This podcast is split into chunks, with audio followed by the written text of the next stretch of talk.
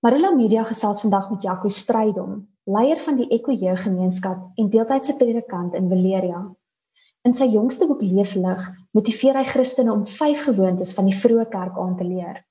So Jaco, in jou boek keer jy die gedagte dat 'n mens meer moet besit of doen om suksesvol of gelukkig te wees op sy kop. Trouwens, jy moedig lesers aan om ligter te lewe. Vertel my meer oor die denkwyse. Ja, ek dink ons leef in 'n wêreld waar die voorveronderstelling is as jy moet net meer en meer bymekaar maak en die oomblik wat jy het, wat jy gedink het jy moet kry, dan skuif jy net die goalposts en dan jy nog meer nodig. En 'n mens speel hierdie speletjie in jou kop en jy dink maar eendag as ek genoeg het, dan gaan my lewe regtig sin maak. En dit is materiële goederes, maar ook status en mag of koneksies, jy weet, eh, kennis selfs dat 'n mens altyd dink ek het nou nog iets nodig voor ek voluit kan lewe, voor my lewe regtig sy volle betekenis gaan hê. En die boek gaan eintlik daaroor dat wanneer het ons nou genoeg? En eintlik oor die idee dat mens moet eintlik dikwels iets laat gaan as jy jou lewe meer betekenisvol wil hê. En die idee kry mense veral by Jesus in die vier evangelies wanneer die disippels hom wil volg en met hulle net te los. amper altyd met iemand iets los, jy weet die ryk jong man moet sy goed verkoop en die geld vir die armes gee. En Jesus is eintlik krities op die ryk man en die verhaal van die ryk man en Lazarus wat so vashou en alles. Dwarsteer Saggeus die hooftollenaar as hy tot bekering kom met hy laat gaan en en so die boek gaan bietjie daaroor om weer te herontdek hoe lig ons eintlik kan reis en hoe min ons nodig het om gelukkig te wees as ons net ons idees oor wat sukses en geluk regtig is kan verander. Hoe min ons nodig het om 'n verskil te maak. En ek uh, verwys veral na die vroeë kerk, die hele idee dat die kerk die grootste verskil gemaak het in die geskiedenis en die vinnigste gegroei het toe die kerk die minste besit het. En uh, eintlik die minste gepraat het selfs uh, in die openbaar. En ek noem 'n klompie gewoontes wat hulle gehad het wat ons dalk weer kan herontdek in ons tyd. Die laat gaan om gelukkig te wees het nie net te doen met aardse besittings nie. Jy raak ook vergifnis in jou boek aan en spesifiek 'n hoofstuk wat sê wees goed vir jou vyande. So dit is nie net 'n laat gaan van aardse besittings nie, maar ook van gedagtes en 'n uh, emosies wat jy ervaar. Ja, die boek gaan oor ligreis en elke moontlike definisie van die woord lig. Jy weet lig aan die een kant is om lig te reis, ontslae te raak van jou goed, Ek vertel daar stories van hoe mense op 'n staptoer gaan en jy vat net te veel goed saam en op die ouene kan jy nie die uitsig geniet nie en ook nie die geselskap geniet nie want jy dra jou dood. En dit raak so ingewikkeld. So ligreis materieel, jy weet ligreis Jesus het baie daaroor gepraat. En die vroeë kerk het lig materieel lig gereis, maar ook Paulus moes ook sy status laat gaan as fariseer. Jesus sê moenie so status bewus wees nie om dit te laat gaan, maar ook een van die goed wat ons die swaarste aandra is natuurlik bitterheid en haat en wraakgedagtes en om 'n manier te kry om om dit te laat gaan. Daar's 'n baie sterk lyn wel dwars deur Jesus se lewe en dit wat hy oor gepraat het en ook in die voorbeeld van die vroeë kerk uh hoe hulle dit reg gekry het om ligte harte te hê om nie 'n hart weet daar's 'n mooi versie in Esegiel waar die Here vir die volk sê en ek gaan julle hart van klip vat en ek gaan julle weer 'n hart van vlees gee en weer 'n ligte hart hê om te kan jy weet die the art of letting go die kunste bemeester om te laat gaan en nie net uh, meer en meer uh, emosie ook saam met ons te dra nie. So in jou boek sonder jy 5 gewoontes van die vroeë kerk uit wat jy dan met die Here in verband bring en vir mense sê leef lig. Kan jy dalk iets kortliks sê oor die gewoontes wat jy gekies het uit die vier evangelies? Daai vyf gewoontes sien jy uh, in die vier evangelies. Dis soos as jy die vier evangelies lees, dan sien jy daar's oor en oor dieselfde goed herhaal. Uh, en Jesus het baie meer gepraat oor wat ons moet doen, oor hoe ons moet lewe as oor wat ons moet glo of hoe ons moet glo.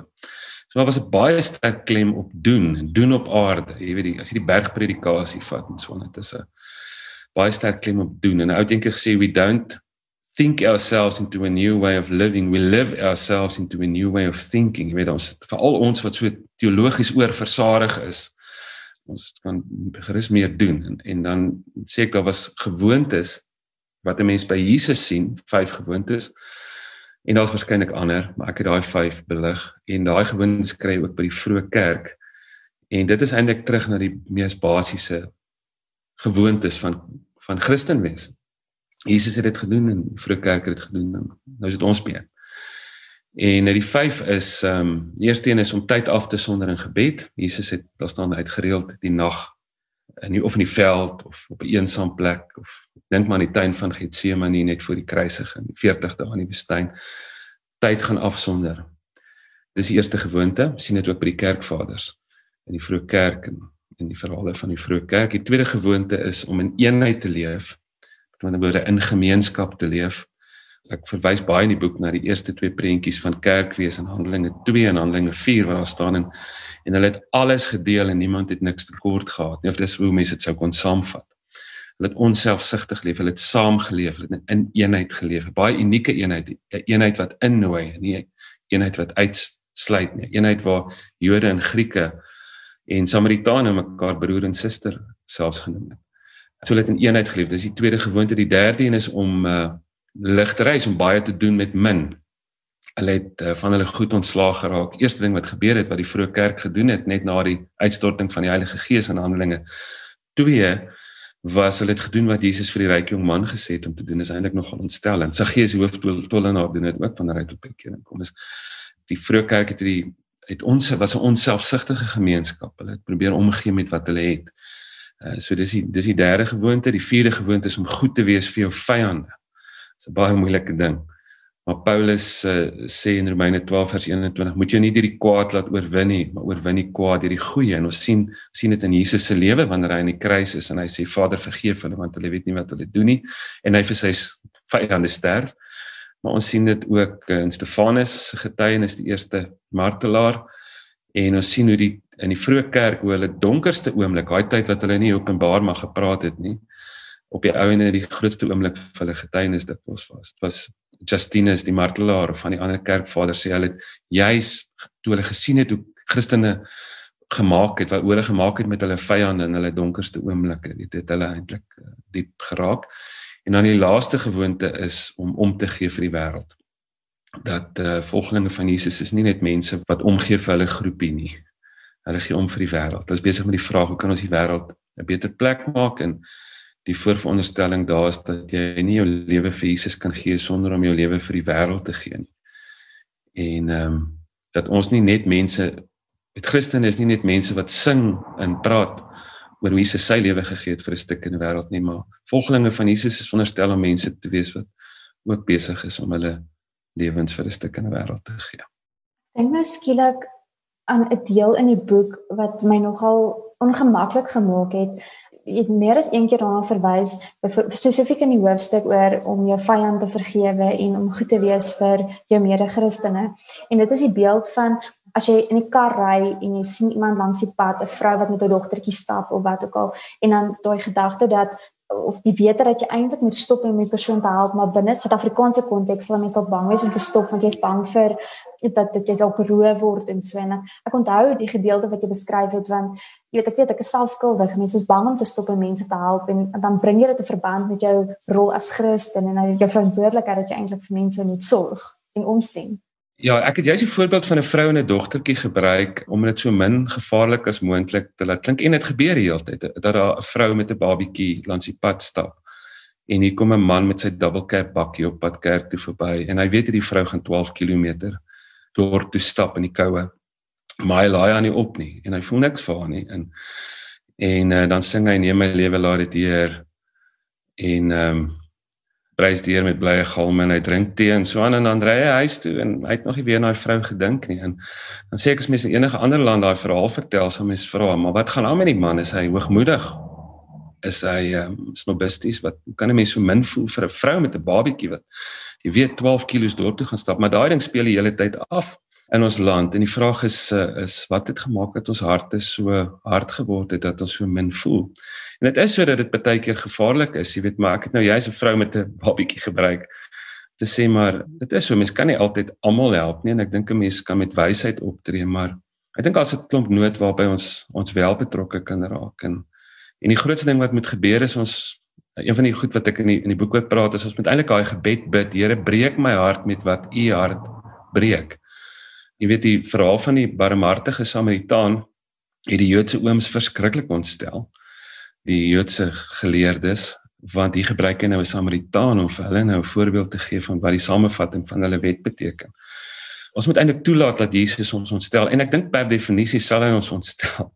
Jy weet hy het so lig gereis en hy was so vry. Hy het so oor die grense van mense beweeg. Dink maar aan die verhaal van die Samaritaanse vrou waar hy by die put gaan sit het wat al 5 mans gehad het of was sy vryheid wat die uh die godsdienstiges van sy tyd uitgevreek het, jy weet hy het nog meer wyn gemaak by die troue waar die wyn op was. En hy en sy disippels het nie hulle hande gewas volgens die Joodse gebruike nie. En hulle het nie gevas op die gebruikelike vasdag nie.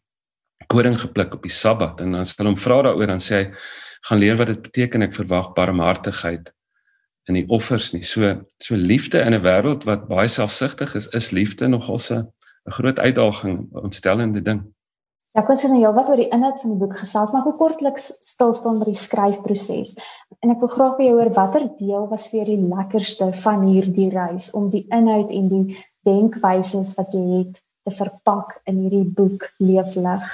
Ek het daai boek verskriklik vinnig geskryf. Susan van NB Uitgewers het lank met my gesê asseblief skryf boek en ek het elke keer gesê ek gaan en ek het nie en toe toe was toe was verlede jaar begin verlede jaar vasgemaak en toe moes ek skryf en so ek het hom baie vinnig geskryf.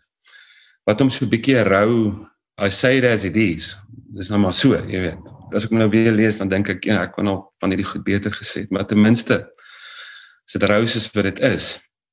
Ek het baie oor daai goed gepraat, oor daai vyf gewoontes baie en ek's baie genooi om daaroor te praat. Seker.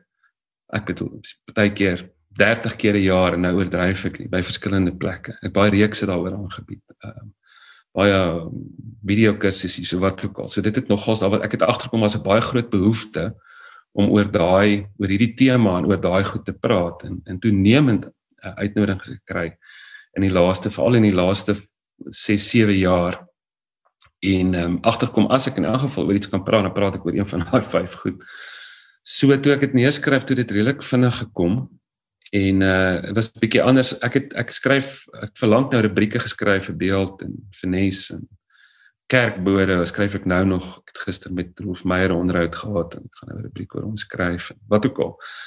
So dit het al rubrieke het al vir my baie moeiliker gekom as hoofstukke in hierdie boek. Ek bloot omdat ek al so baie oor die goeters gedink het. Maar ehm um, toe Lux Werby die tema 'n leef lig kies, het my eintlik gehelp toe ek meer oor die hele lig ding begin skryf wat eintlik vir my 'n baie goeie ding was wat ek nie gekies het nie wat skof met my gebeur het in die skryfproses.